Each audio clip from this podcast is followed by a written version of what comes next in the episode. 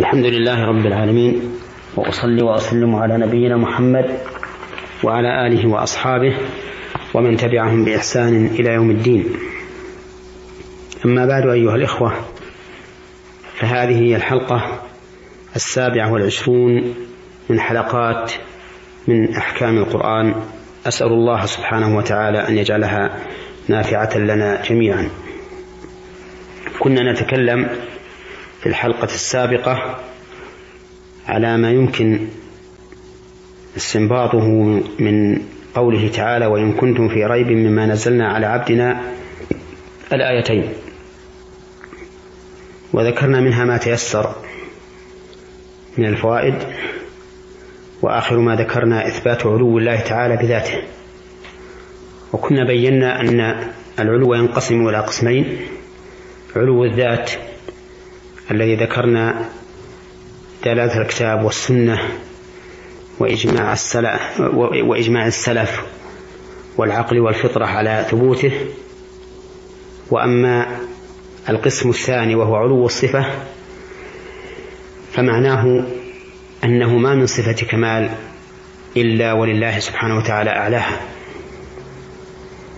ما من صفة كمال إلا ولله تعالى أعلاها وأكملها. ودليل ذلك قوله تعالى سبح اسم ربك الأعلى وقوله ولله المثل الأعلى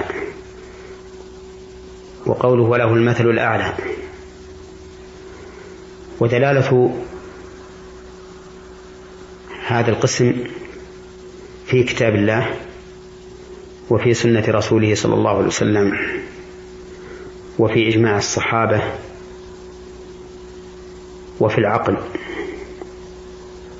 وربما يكون في الفطرة دليل عليه أيضا. فأما الكتاب فذكرنا منه ما سبق وله المثل الأعلى ولله المثل الأعلى سبح اسم ربك الأعلى.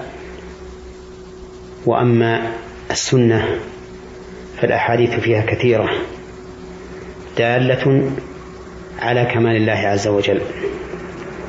فقد حدث النبي صلى الله عليه وسلم عن كمال الله وعظمة صفاته بأحاديث لا تحصر. وكان صلى الله عليه وسلم يقول في سجوده سبحان ربي الأعلى. فيثبت له العلو المطلق وهو كما يشمل علو الذات يشمل أيضا علو الصفات. وأما الإجماع فقد أجمع المسلمون على أن لله تعالى صفات الكمال. من كل وجه. وأما العقل فلأنه فلأن من المعلوم أنه لا يمكن أن يعبد باستحقاق العبادة إلا من كان كامل الصفات. ومن ثم أنكر إبراهيم الخليل على أبيه أن يعبد ما لا يسمع ولا يبصر ولا يغني عنه شيئا. فقال يا أبت لم تعبد ما لا يسمع ولا يبصر ولا يغني عنك شيئا؟ لأن مثل هذا ناقص والناقص لا يمكن أن يكون ربا يعبد لنقصه ولا أحد من المخلوقات له الكمال المطلق سوى رب الأرض والسماوات. ومن فوائد الآية الكريمة وإن كنتم في ريب مما نزلنا على عبدنا إثبات أن القرآن كلام الله. وذلك لأن القرآن كلام ليس عينا قائمة بنفسها وإنما هو كلام. وإذا كان نازلا من عند الله لزم أن يكون كلام الله. وهذا هو الذي أجمع عليه السلف وأئمة الأمة أن القرآن كلام الله غير مخلوق. فقد تكلم الله تعالى به حقيقة وسمعه جبريل من الله وألقاه على قلب النبي صلى الله عليه وسلم. قال الله تعالى في سورة الشعراء وإنه لتنزيل رب العالمين نزل به الروح الأمين على قلبك لتكون من المنذرين بلسان عربي مبين. فبين الله في هذه الآية المنزل والمنزل والنازل به والنازل عليه واللغة التي نزل بها خمسة أشياء. فقال وإنه أي القرآن المنزل لتنزيل رب العالمين هذا المنزل نزل به الروح الأمين هذا النازل به على قلبك هذا المنزل عليه بلسان عربي مبين هذه اللغة. فالقرآن جمع هذه الأوصاف كلها. إذا فهو كلام الله عز وجل بهذه اللغة اللغة العربية. والكلام لا أحد يشك في أنه من صفات الكمال فإن المتكلم أكمل من الذي لا يتكلم. وبهذا احتج السلف على من قالوا إن القرآن مخلوق. فإنه لو كان مخلوقا لم يكن هناك كمال في الله من هذا الوجه. فالكما فالكما فالكلام من الكمال. الكلام من من الكمال. قال عز وجل وإن كنتم في ريب مما نزلنا على عبدنا. وفي هذه الآية أيضا إشارة إلى فضل القرآن حيث كان كلام الله. فإن القرآن فإن الكلام يشرف بشرف من تكلم به. لا سيما إذا كان هذا الكلام متضمنا لمعالي الأخلاق وكمال الآداب كما في القرآن الكريم.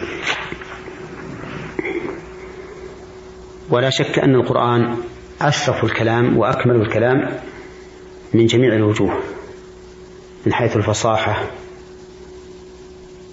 والجودة والنفع والحكم ولو لم يكن منه إلا أنه كلام الله لكان كافيا في الشرف والفضل.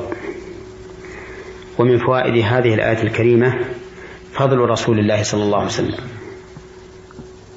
بكونه عبدا لله. ولا شك أن العبودية لله من أشرف المناقب. بل هي أشرف المناقب. ومن لم يكن عبدا لله صار عبدا لهواه. لأن الإنسان لا بد أن يكون متذللا لشيء. فإما أن يكون متذللا لربه وإما أن يكون متذللا لهواه وشيطانه.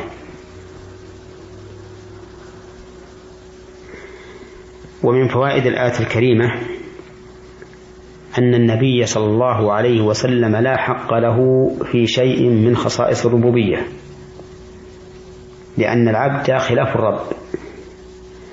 فلا شيء لرسول الله صلى الله عليه وسلم من خصائص الربوبية فلا يملك نفعا لأحد ولا دفع ضرر عنه ولا يعلم الغيب وليس عنده خزائن الله.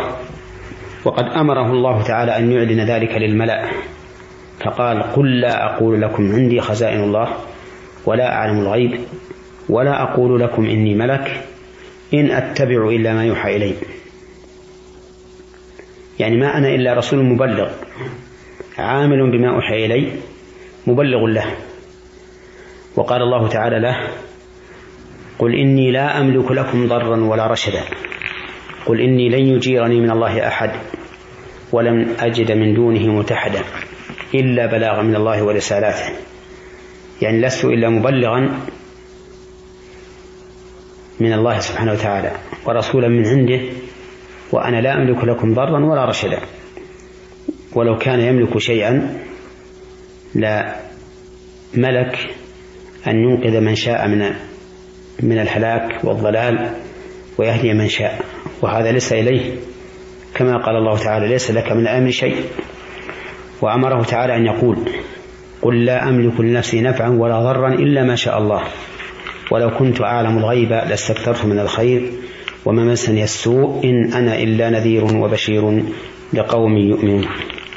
ويتفرع على هذه الفائدة بيان ضلال أولئك الذين يتعلقون برسول الله صلى الله عليه وسلم فيدعونه ويستغيثون به ويرجون منه شفاء المرض وإزالة الضرر وحصول المطلوب. ويعرضون بذلك عن رب العالمين عز وجل كما أن بعضهم ربما يظن أن ما عند الرسول عليه الصلاة والسلام أقرب مما عند الله مع أن النبي صلى الله عليه وسلم لا يملك من هذا الأمر شيء وقد ضل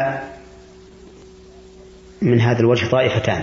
طائفة ادعت أن لرسول الله صلى الله عليه وسلم شيئا من خصوصية الربوبية وطائفة أخرى كذبت الرسول صلى الله عليه وسلم وقالت إنه ليس برسول إما أنها نفت رسالته مطلقا أو نفت عموم رسالته وكلتا الطائفتين ضالتان.